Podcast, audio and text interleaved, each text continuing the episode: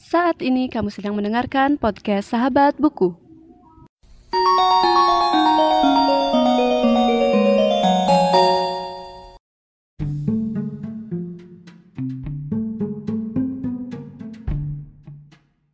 Halo teman-teman semua, jadi balik lagi sama aku di sini dan pada kali ini kita akan membahas salah satu novel dari Terelie yang berjudul Pulang.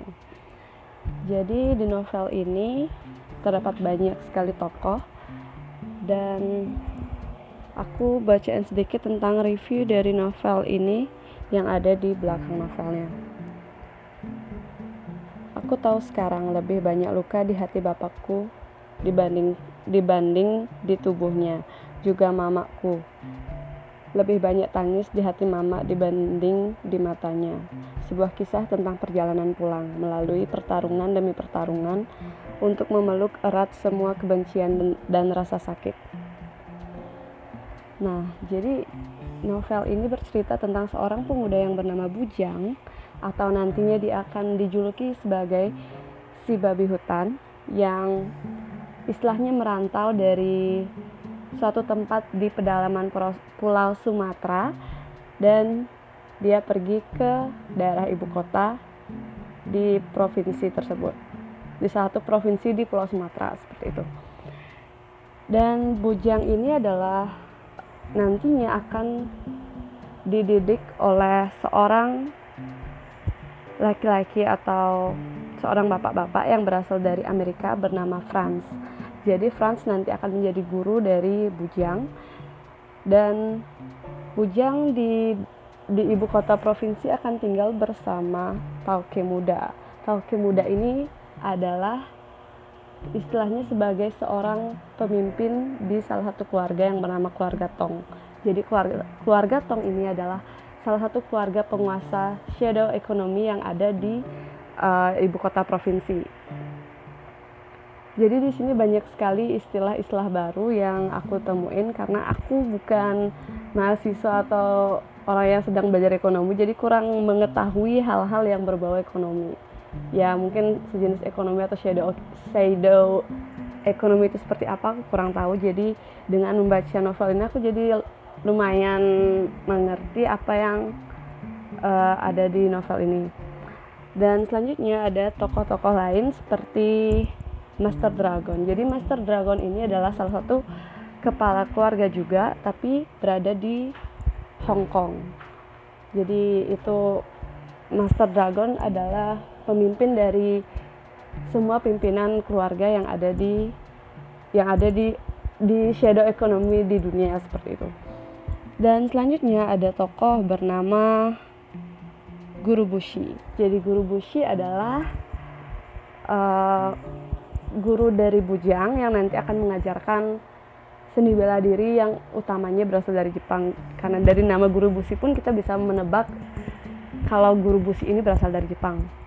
Dan Guru Bushi memiliki dua orang cucu yang bernama Yuki dan Kiko yang nantinya akan membantu Bujang dalam misi-misi yang akan dia jalankan. Dan selanjutnya ada tokoh bernama White. White adalah mantan tentara Amerika yang nantinya akan menjadi koki dan tinggal di Hong Kong. Dan White memiliki hubungan dekat dengan Bujang karena ayahnya White dulunya adalah uh, teman dekat dari tauke, tauke muda atau nantinya akan disebut sebagai tauke besar. Dan selanjutnya ada tokoh bernama Salonga. Jadi Salonga ini adalah salah satu pembunuh bayaran yang paling terkenal di dunia dan dia nantinya akan juga menjadi guru dari Bujang yaitu guru menembak. Dan selanjutnya ada tokoh bernama Parwes. Parwes adalah uh, bisa dibilang direktur dari perusahaan yang perusahaan legal yang dimiliki oleh keluarga Tong. Jadi keluarga Tong ini memiliki perusahaan uh, legal yang dia tunjukkan di istilahnya ditunjukkan di dunia, namun ada hal-hal yang tidak kita ketahui dari dari apa yang kita lihat di keluarga Tong tersebut.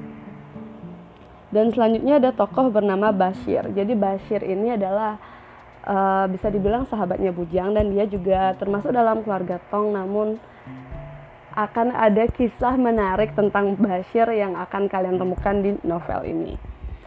Dan selanjutnya adalah keluarga Lin. Jadi keluarga Lin itu adalah satu keluarga shadow shadow ekonomi juga yang nantinya akan berselisih dengan keluarga Tong. Jadi di sinilah peran peran Bujang akan sangat-sangat signifikan dalam novel. Jadi cerita dalam novel ini sangat menarik karena itu benar-benar memotivasi pembaca menur menurutku sangat memotivasi pembaca karena Bujang hanyalah seorang anak kecil yang tiba-tiba diajak ke ibu kota dan dia benar-benar berubah semenjak dia pindah ke tempat itu. Dia bukan hanya anak kecil biasa, tapi dia bisa memanfaatkan bakat-bakat yang dia miliki, kepintaran yang dia miliki, dan dia bukan hanya anak yang bisanya bermain, tapi juga bisa bermanfaat untuk keluarga Tong. Jadi banyak hal, banyak pelajaran yang dia terima, dan dia menjadi salah satu orang yang benar-benar berpengaruh di keluarga Tong. Yang selanjutnya di novel sequel dari Pulang yaitu Pergi akan memiliki kisah tersendiri tentang Bujang yang nantinya akan menjadi seorang pemimpin. Jadi sekian untuk cerita hari ini. Sampai jumpa di cerita selanjutnya.